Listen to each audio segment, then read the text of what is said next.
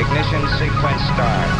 Five, four, three, two, one, zero. Quantum leap.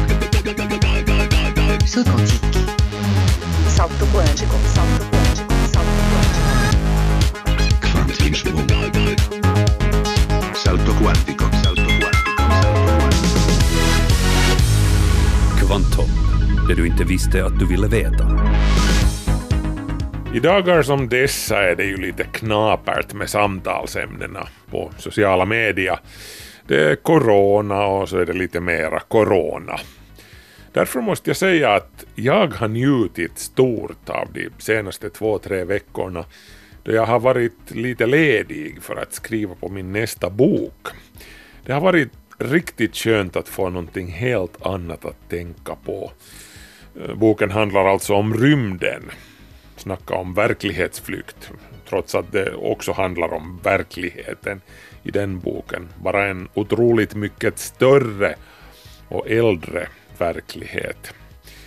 Det är helt hälsosamt, tror jag, att med jämna mellanrum påminna sig om att det, det finns ett helt universum där ute. Både större och mer förunderligt än vi tror.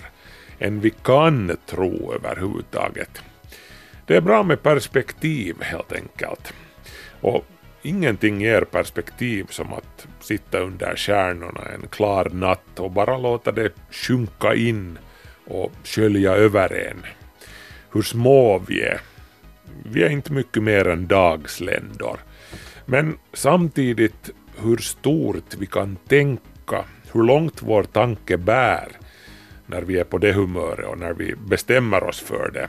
När vi lyfter blicken från leran och smutsen. Vi är universum som ser på sig självt och häpnas. Vi är alla kärnstoft. Det här är tankar som tröstar åtminstone mig i tider som denna. Och Markus Rosenlund, det är alltså jag det.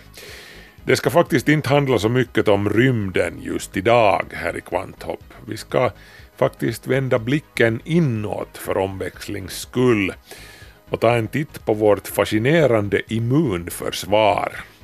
Eller vår immunförsvarsmakt, som jag kallar det. Och vad som händer då en fientlig mikrob dyker upp vid våra portar. Då smäller det, ser ni.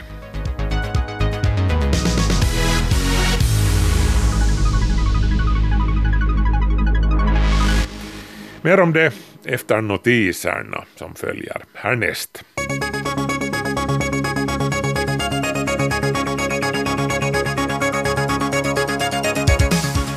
Håller supervulkanen Yellowstone i USA på att varva upp inför ett nytt utbrott?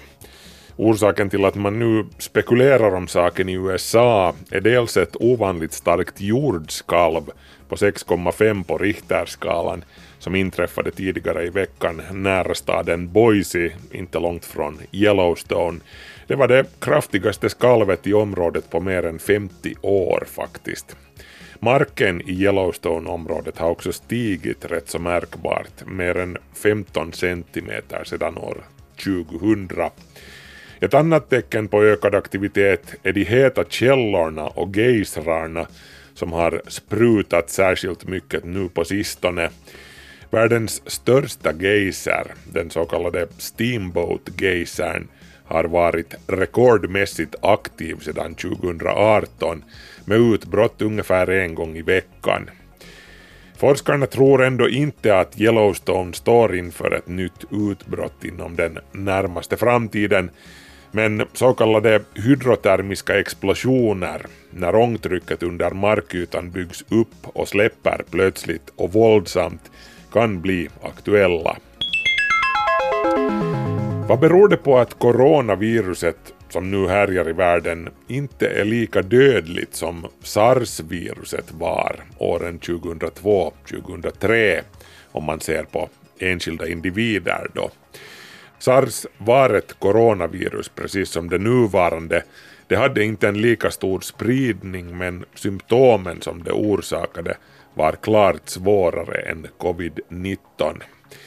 En färsk studie som finns publicerad i tidskriften Nature pekar mot att det nuvarande coronaviruset sprids så lätt eftersom det trivs bäst i de övre luftvägarna.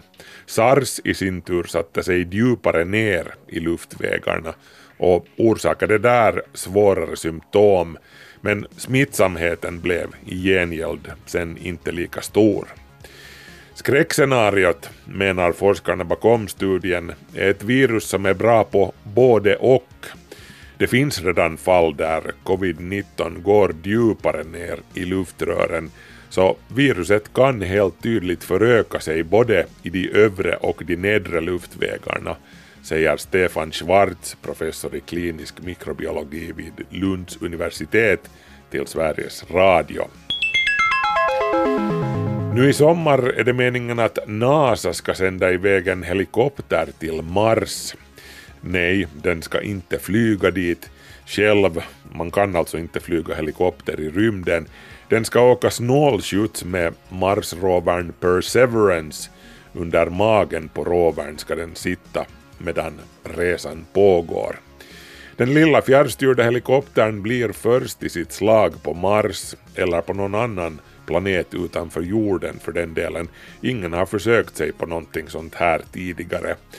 Helikoptern väger bara knappt två kilo, vilket är lite i jämförelse med den tusen kilo tunga rovern Perseverance. NASA väntar sig inte att kunna använda minikoptern som en aktiv bevingad spanare på Mars.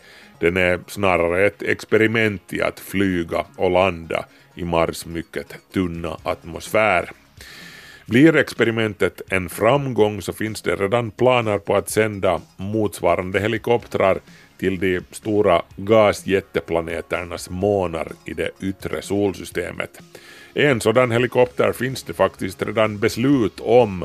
Den ska landa på Saturnus måne Titan omkring 2034. Eftersom påsken står inför dörren ska jag nu ge svaret på en urgammal fråga, nämligen vilken var först, hönan eller ägget? Det har på riktigt forskats i det här och svaret är ganska uppenbart när man tänker på det.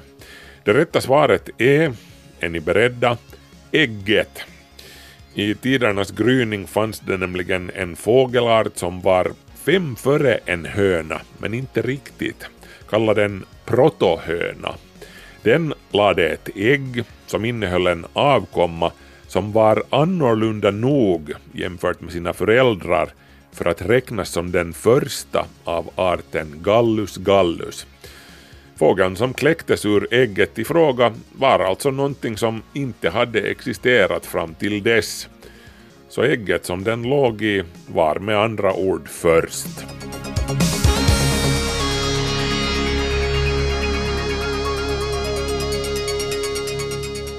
Vad händer när vi får en infektion?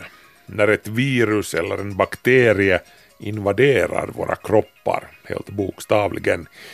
Det hela påminner väldigt mycket om ett krig faktiskt. Ett krig inuti oss. Och lyckligtvis så är vi långt ifrån försvarslösa när det händer. Kvanthopp, det du inte visste att du ville veta.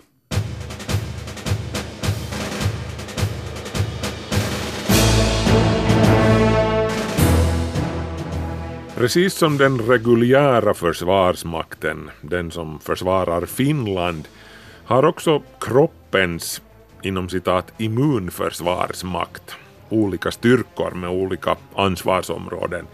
Vissa defensiva och vissa offensiva. Immunförsvarsmakten har också sitt eget infanteri, sina pionjärer, sina pansarvagnar, sina 007-agenter med rätt att döda, sina spejare och signaltrupper. Och kroppens försvar tvekar inte att göra bruk av sin fulla arsenal vid behov.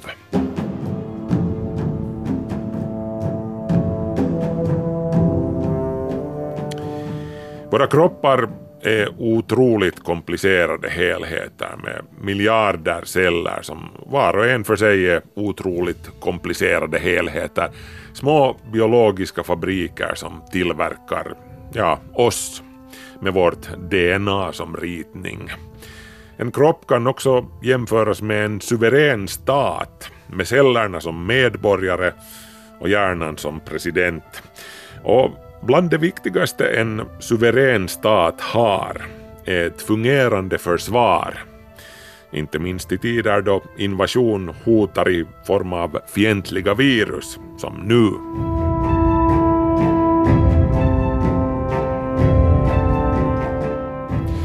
En infektion, om det sen handlar om virus, bakterier, svampar eller någon annan sorts patogena eller fientliga mikroorganismer, utlöser vad som på många sätt och vis påminner om ett regelrätt krig mellan två arméer. En invaderande hord av mikrober drabbar samman med kroppens immunförsvarsmakt.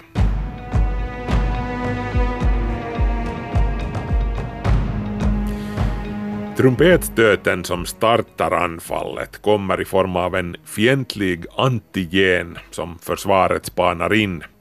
Ordet antigen är en sammansättning av antibody generator, antikroppsgenerator.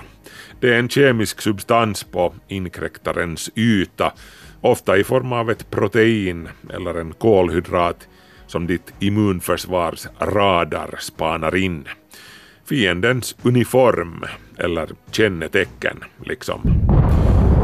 Nu går stora alarmet och B-lymfocyterna, immunförsvarets officerare, börjar dela ut order i form av antikroppar, signalproteiner som säger åt de vita blodkropparnas pansargarde att rulla hitåt illa kvickt. I stridens hetta stiger också kroppstemperaturen Immunförsvaret beordrar de vita blodkropparna att skicka ut små signalmolekyler som kallas cytokiner. Kroppen vet nämligen att mikrober inte tycker om när det är för varmt, så värmecentralen i hjärnans hypotalamus reagerar med att låta musklerna göra sammandragningar, vilket skapar värme. Slutresultatet feber.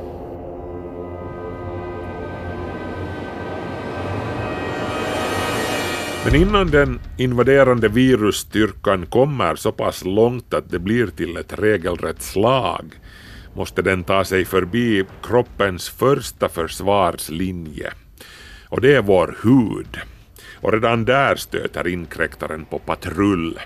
I epidermis, alltså överhuden, vaktar de så kallade Langerhanscellerna med sina långa bläckfiskliknande armar som trävar och sonderar terrängen likt sökarljus. Langerhanscellerna de är vita blodkroppar och så kallade fagocyter, det är grekiska för cellätare ungefär. Och de slukar bokstavligen inkräktare, om det sedan är mikrober, smutspartiklar eller kroppens egna döende celler. VAR består huvudsakligen just av döda fagocyter som har uppslukat bakterier eller celler. De langerhanska cellerna är det främsta ledet av fagocyter, bredaxlade och biffiga gränsbevakare. De slår på blåljuset och kör ner till dermis, alltså lederhuden, där de underrättar försvarets larmcentral alltså lymfkörtlarna. Lymfkörtlarna i sin tur de sätter utan dröjsmål igång med att göra fler infanterisoldater, det vill säga vita blodkroppar, som omgående skickas mot det angripna området. Lymfkörtlarna är alltså en del av kroppens dräneringssystem som också ingår i kroppens militärindustriella komplex, så att säga. I systemet ingår organ som mjälten, brässen, tonsillerna och benmärgen till exempel.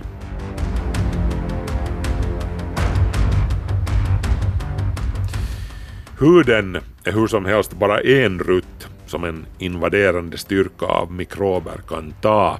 Immunförsvarskraften har därför fullt sjå 24 timmar i dygnet för fienden lurar överallt i varje andetag som du tar, varje tugga mat som du äter och varje klunk du dricker.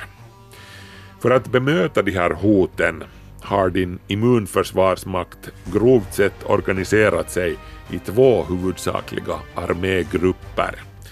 Det nativa eller medfödda försvaret och det adaptiva, det som vår kropp utvecklar med tiden och erfarenheten.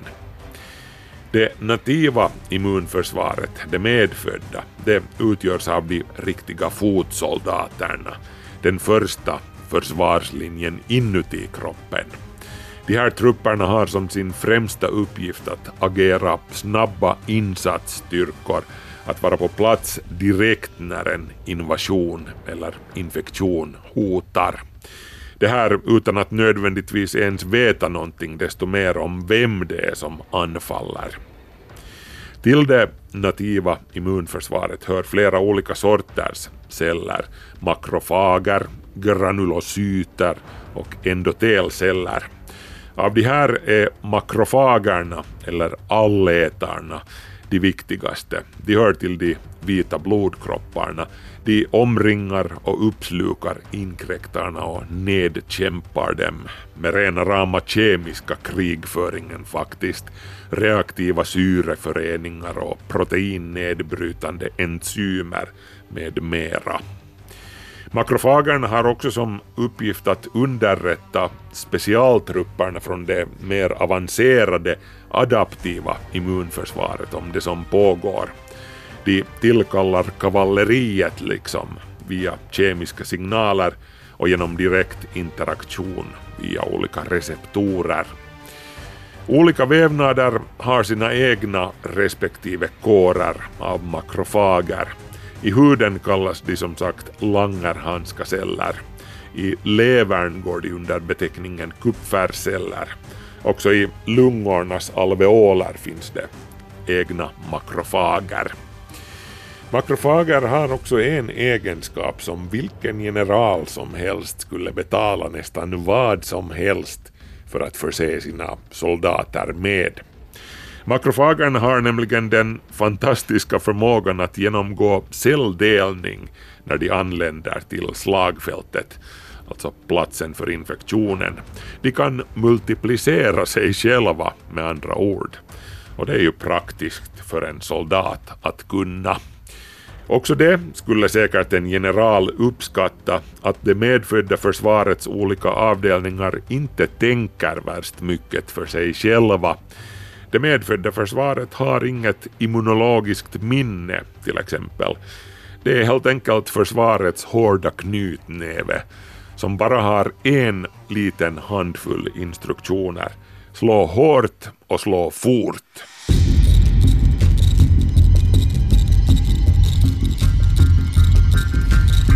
Det medfödda försvaret inkluderar också allsköns passiva komponenter, lite som minfält, taggtråd och diverse hinder. Huden hör ju delvis dit. Den är en ogästvänlig miljö för mikrober i sig. Men också magsäckens saltsyra, olika slemhinnor och luftvägarnas cilier eller flimmerhår ingår i den här försvarslinjen. Sedan, ett steg upp på gradskalan, har vi det specifika eller adaptiva försvaret. Nu snackar vi om specialstyrkorna, inklusive underrättelsetjänsten och kontraspionaget.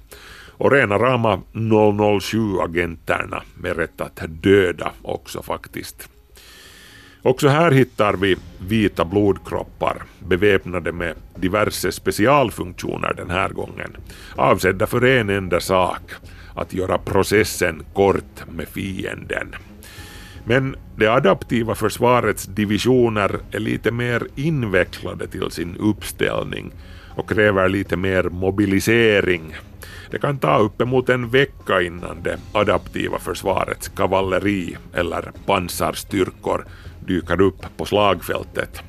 Men då de en gång kastar sig in i striden är också de skoningslösa mot invaderande virus och andra inkräktare.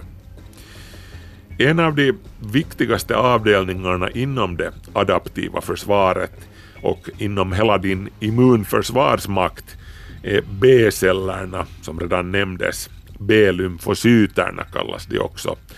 Också de är en sorts vita blodkroppar. De bildas i benmärgen. Benmärgen är för övrigt lite som kroppens Dragsvik eller Nylands brigad där nya rekryter trycks fram och utbildas för sina respektive uppdrag. B-cellen deltar inte så mycket direkt i striderna. Den är lite som en general eller en överste som tar emot inkommande rapporter och delar ut befallningar till underlydande celler, befallningar i form av antikroppar. Antikropparna de är en sorts proteiner som immunförsvaret använder sig av för att identifiera och sortera diverse fiender som virus, bakterier eller parasiter. Med hjälp av antikropparna för B-cellerna bok över de inkräktare som de stöter på så att de snabbt och effektivt ska kunna aktivera motoffensiven nästa gång samma hot uppenbarar sig.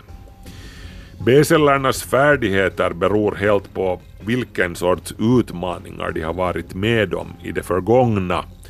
De blir mer erfarna och smartare med tiden varje gång du utsätter dig för olika sorters infektioner. Isolerar du dig för mycket, går du aldrig någonsin ut, då kommer du att vara en enkel måltavla för fienden den dag du går ut eftersom ditt adaptiva försvar i praktiken är helt otränat.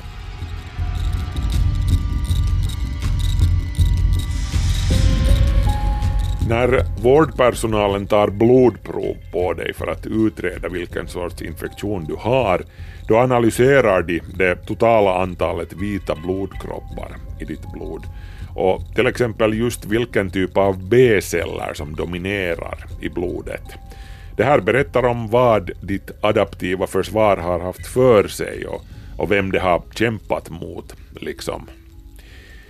Vid sidan av B-lymfocyterna strider en annan avdelning av specialstyrkor med sina egna taktiska positioner, T-lymfocyterna eller T-cellerna. De mognar i brässen eller thymus, därav namnet T-cell, och den är alltså belägen bakom bröstbenet. T-cellerna uppträder i tre olika skepnader. T-hjälparcellen, mördar-T-cellen och minnes-T-cellen. T-hjälparcellen kan jämföras med en fältofficerare som utgör den aktiva länken mellan generalerna och trupperna ute i fält. Den patrullerar i lymfsystemet. Där kan den till exempel bli kontaktad av en makrofag. Makrofagen har slukat en fientlig mikrob varefter den har begett sig till närmaste lymfknut. Där rapporterar makrofagen om sitt fynd för T-hjälparcellen genom att visa upp fiendens flagga så att säga, eller antigen. Det här hjälper hjälpar T-cellen att känna igen fienden ifall att den dyker upp igen senare. Hjälpar T-cellen kommunicerar också med B-cellerna och mördar T-cellerna.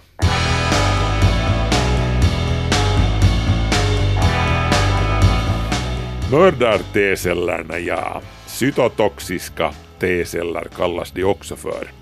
De är kroppens egna små James Bond-celler eller elitsoldater som kallas in för att göra processen kort med infekterade celler. Virus de fungerar ju så att de tar sig in i våra celler där de programmerar om cellens fabrik liksom till att tillverka kopior av viruset självt.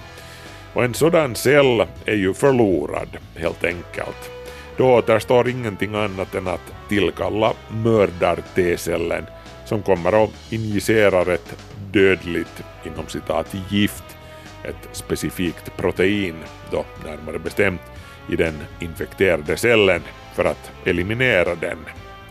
Alternativt kan mördar-T-cellen också beordra den infekterade cellen att begå självmord, rätt och slätt. Apoptos eller programmerad celldöd kallas det här. Mördar-T-cellen beordrar för övrigt inte om den här sortens kamikazeoperationer bara för virussmittade celler utan också för cancerceller. Mördar-T-cellerna de kan arbeta självständigt så att säga bakom fiendens linjer utan order från högkvarteret med andra ord. Men de jobbar ofta i samarbete med hjälpar-T-cellerna som bistår dem med license to kill-koordinater så att säga. Sedan har vi ännu minnes-T-cellerna som kan jämföras lite med veteraner kan man säga. Krigsveteraner som sitter på den fördjupande kunskapen om och minnet av fiender som de har drabbat samman med. På ett motsvarande sätt som B-cellerna har de som uppgift att föra bok över kroppens interna krigshistoria. Inte av nostalgiska skäl men för att vara bättre förberedd nästa gång samma fiende stormar murarna.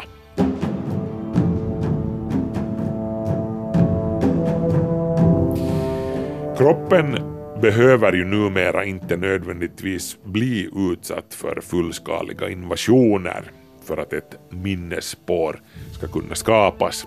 Det är för det här ändamålet vi har vacciner. Vacciner kan jämföras med träningen som soldater får där man visar upp fiendens olika kännetecken. Kanske visar man till och med upp en död fiende och man bekantar soldaterna med fiendens stridstaktik så att säga. På det här viset vet soldaterna vad de har att vänta sig och kan förbereda sig därefter. Vacciner är med andra ord som implanterade minnen av krig som aldrig har utspelat sig på riktigt. Immunförsvaret får liksom en dos av neutraliserade virus eller bakterier som de kan smaka på inom citat och lägga på minnet för eventuella framtida behov. Minnet av gångna infektioner kan också överföras till nästa generation, till nyfödda barn som inte ännu har utsatts för patogena mikrober själva och därmed inte har tränat upp sitt eget adaptiva försvar. Det här överförs då via modersmjölken eller i fåglarnas fall via äggulan. Det här är alltså i stora drag hur din interna försvarsmakt fungerar. I skrivande stund föreligger en större risk än normalt att den kan komma att ställas öga mot öga med en fiende som den aldrig har råkat ut för tidigare, viruset SARS-CoV-2 eller i folkmun bara coronan. För de flesta kommer striden inte att resultera i någonting desto värre än då våra gamla arvfiender influensavirusen går till anfall. För många blir det aldrig ens någon strid överhuvudtaget att snacka om.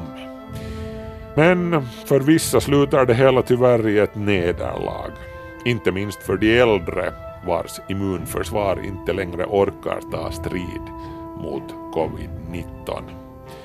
Därför är det viktigt att vi utkämpar våra egna interna slag om det går dit hen så avskilt från våra svagare fränder som möjligt bakom våra vallgravar av social distansering.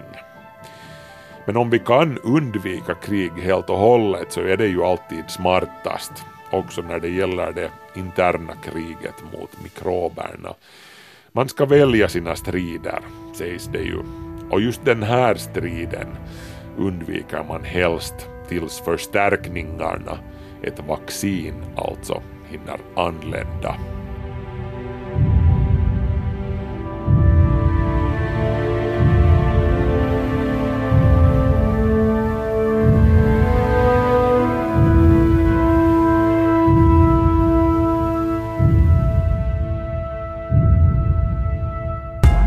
Det här är en Svenska Yle-podd. Förra året utvärderades statusen för utrotningshotade arter i Finland för femte gången. Och det visar sig att mer än en tredjedel av de fågelarter som häckar i Finland är hotade. Och en slutsats som forskarna har kunnat dra är att dagens skogsbruk är en betydande orsak till utvecklingen. Bland de arter som i första hand påträffas i skogsmiljö är nio hotade och åtta nära hotade. Vår reporter Amanda Wikman har tagit sig ut i Pargas skogar tillsammans med ornitologen Kai-Ove Pettersson för att ta reda på hur det egentligen ser ut där och, och varför också några av våra vanligaste fågelarter har blivit hotade. Okej, eh, vi står här nära Lielax eller i Lielax i Pargas i en skog som nu har fått stå lite längre än, än normalt innan man brukar avverka dem. Och, och vad är det som gör den här skogen här liksom bra för fåglarna och, och för djurlivet? No, det är den här variationen som finns. Här finns den här gamla skogen, skogen kvar men också den här undervegetationen finns kvar. Den, är, den har inte blivit röjd på, på länge, länge. Plus att här har börjat komma lite död ved med också som är ett, ett stort plus för, för fåglar och, och, och mångformighet. Den här döda veden då, det blir som ett matförråd för små fåglar och så? No, det också, ja, ja. Och det, här, det är ganska många fåglar som äter av de insekter som, som finns i, de här, i den här döda veden. Och också då när trädet dör så är det väl mycket värdefullt för till exempel hackspettar. Då bland annat det här trätåiga hackspetten som, som det här äter barkborrar från, från gran, döda granar och döende granar. Om vi lyssnar här nu då så var det just hackspetten kanske som visslade till där. Vad, hör man annat för fåglar just här nu då? No, annars är här nog nu ganska tyst. Tyst men det som ropar där i samma veva som jag pratade så det var gråspetten. Gråspetten? Ja. Och, och det här att det nu finns här så, så är också ett litet tecken på att, att det här är en lite bättre skog än normalt. Och det som finns här så, så om vi skulle gå lite längre så det finns ganska grova aspar längre fram och, och det är ett det är nu den här boreala skogens ädla lövträd egentligen, den aspen, att det har en, en basisk bark och det gör att det finns mossor och, och, och lavar som inte finns på andra ställen.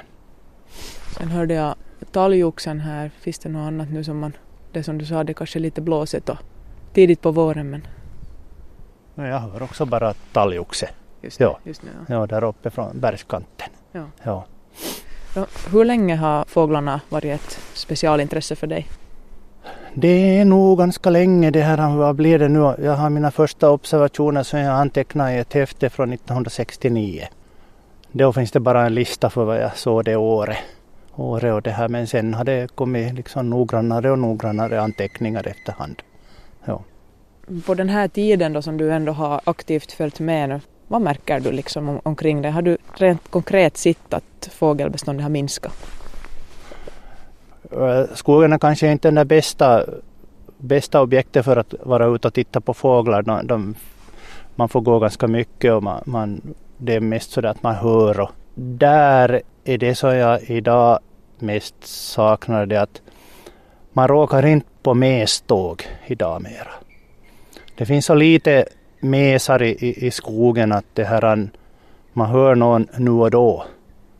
Men när jag tänker på hur det var då när jag promenerade i Hangeskogarna då när jag var en ungdom så, så då var det nästan varje gång som man träffade på ett meståg där det fanns alla sorts mesar och trädkrypare och kungsfåglar med. Och, och, det, här, det är nog det som är den stora skillnaden och det som jag går och harmas över när jag går i skogen att det inte finns, att de, man inte råkar på dem. Och det finns ju så mycket skog i Finland och man pratar alltid om att eh, vi har eh, så stora ytor täckta med skog men, men just för de här småfåglarna så vad är det som gör att de här vad ska man säga, industriskogarna eller ekonomiskogarna inte fungerar för dem? Nå, jag tror att det är den här storskaligheten som är en av orsakerna. Den här nedgången började väl på allvar då när mekaniseringen kom in i skogsbruket. Och när man så småningom övergick från det att, att det här det var självverksamma skogsägare som, som det här högg under vintern och numera är, det, är avverkningarna året runt och enheterna som man behandlade är till arealen större än vad de var då för 30-40 år sedan.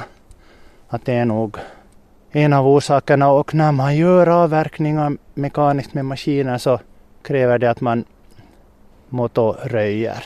Och det betyder att man röjer den här undervegetationen som stör avverkningen och, och gör att, att eh, man inte ser vad man gör i skogen och det, det är också svårt att, att fälla träd och så är det bortåt om det är för mycket undervegetation.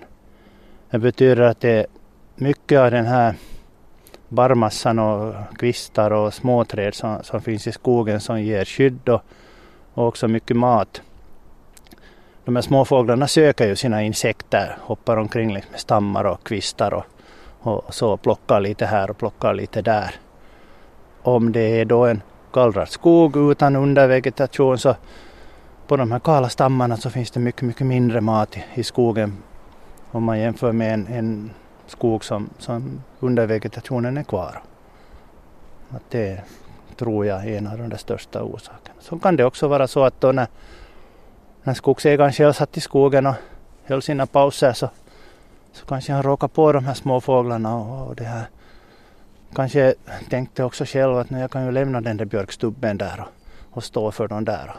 Och, och så är det bortåt att det, i, i gallringsskogar så lämnas inte medvetet på det viset något, något sånt här extra så som man gör på, på slutavverkningar. Och det är kanske en ändring som man borde få till stånd. Att, att om vi tänker på den här talltitan som eh, det är nu klarlagt att beståndet på en 30-40 år har minskat med 40 procent. Och en av orsakerna är att de här murkna lövträdsstubbarna som inte behöver vara så stora så finns inte i våra gallringsskogar mera. Att om man till exempel i en gallring skulle kapa lövträd och lämna en en och en halv meter stubbe, några stycken per hektar, så kommer de att vara ypperliga, ypperliga stubbar för talltitan och tossmesen att, att eh, holka ur ett, ett bohål. Därför att de, de häckar ogärna i holk hackar och, och de klarar inte av med sina klena näbbar att, att göra ett bo i ett färskt träd. Utan det ska vara en, en rätt så murken, murken stubbe. Du har haft arbetsfältet också i skogen. Vad skulle du säga, borde skogsbolagen ändra sin inställning när de är ute och avverkar? Borde de förändra sin strategi? Jag tror nog och är nog övertygad om att det skulle finnas mycket som man kunde göra i skogen utan att det inverkar allt för mycket på ekonomin. Jag tror mest att det är fråga om, om att man skulle veta vad man gör och, och vad följderna är. Och, och jag, jag, tror nog att ganska många ändå skulle vilja göra, göra e, ett, lite, lite annorlunda arbete. För inte kan det ju vara roligt att i, i media och vid alla tillfällen få det här runt öronen och skäll på det här viset som, som skogsindustrin och skogsbruket får idag. Ja, no, ibland tycker jag själv också att det går till överdrift förstås men, men ändå. Jag är nog övertygad om att det skulle finnas mycket man skulle kunna tänka på och göra på ett annat vis.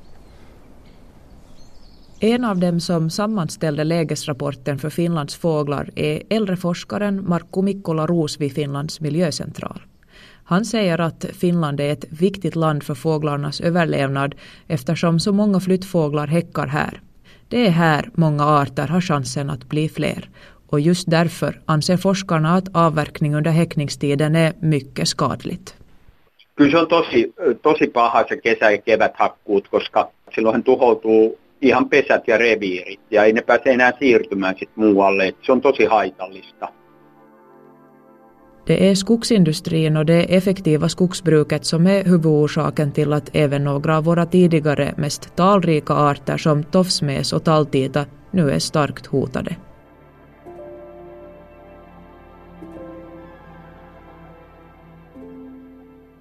Det moderna skogsbruket har skapat enformiga skogar som saknar den växtlighet som är nödvändig för insekterna och därför har det blivit allt svårare för småfåglarna att hitta mat och överleva vintern.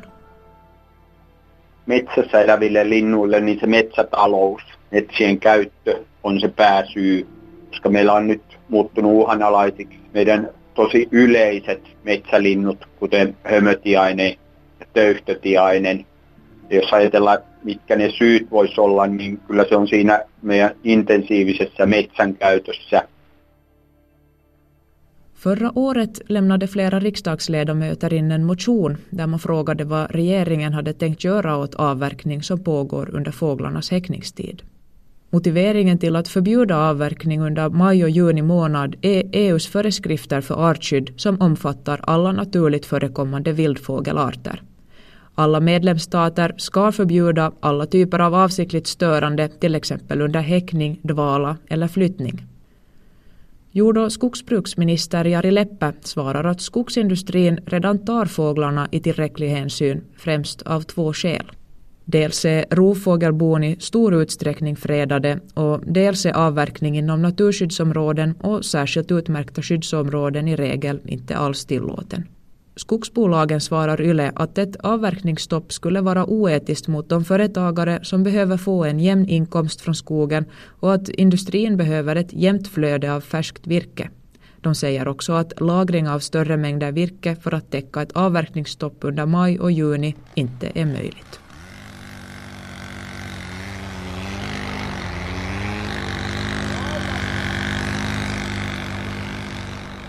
Satu Hassi var en av dem som undertecknade motionen om avverkningsstopp. Hon är riksdagsledamot för de gröna och ordförande för Stora utskottet.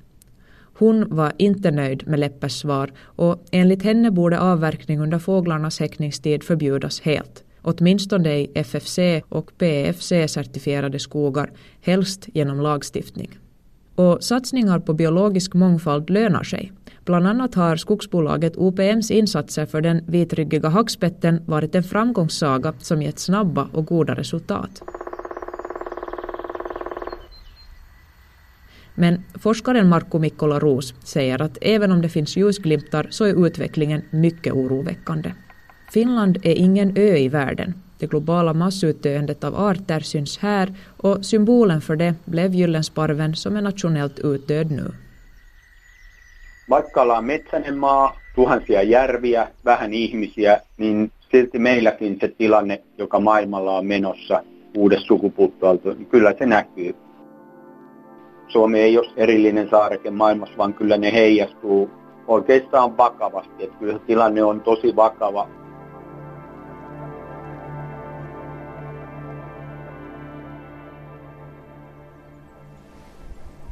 Det är en korsnäbb. Det är som chip chip. Nu borde vi få mera skyddad skog i Finland. Enligt min åsikt.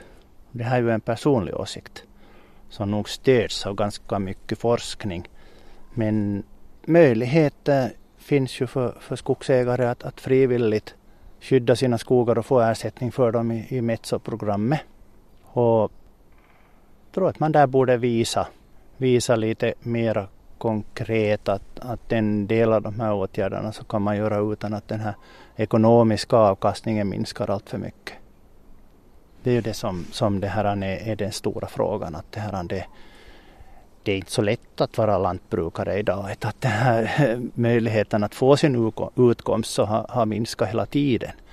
Och, och minskar, minskar nu också framöver antagligen ganska mycket. Att det, här, det är det som gör att, att den här effektiviteten så ökar hela tiden också. Att man vill ha, vill ha så att man klarar sig. Sen när det kommer skyddsområden till så de blir som skyddsområden. Att det här, de, där är ju en sak som, som det här hela tiden blir lite bättre.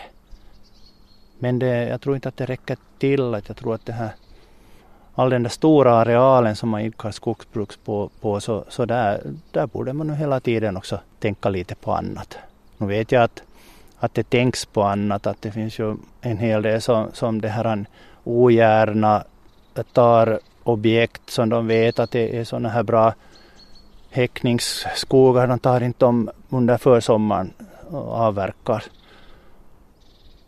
Inte hjälper det väl så mycket att vara orolig. Det, här. det hjälper mera förstås att försöka prata om de här sakerna. Och, och kanske visa på ett sätt som, som inte kostar så mycket och vad man kan göra och vad man kan få. Och det här om man tänker efter att i en gallring lämna ett tiotal sådana här björkstubbar som är ungefär en och en halv meter höga. Och det räcker åt en, en talltita. Så om man lämnar tio stycken sådana så det, det är ungefär en halv kubikmeter björkved som blir kvar i skogen. Vad är det idag? 15 euro per hektar. Att det är ganska frå, fråga om ganska små pengar ibland. Att det här, det, man behöver inte lämna de där stora, stora det här tallarna med värdefullt sågvirke i. Inte. Man kan lämna annat. Och den, den där tall, talgoxen som var där så, så, så kom och sa till att, att här bor jag. Att det, här, det, det är den här tiden på året så man, man ganska lätt liksom kan konstatera var de har sina revir. Då. De kommer på kvistarna ovanför och säger att bort, bort. Ja. Det sa Kai-Ove Pettersson som är ornitolog och Amanda Wikman var reporter. Yle Vega. Och med det är Kvanthopp slut för den här veckan. Markus Rosenlund heter jag som säger tack och hej, vi hörs.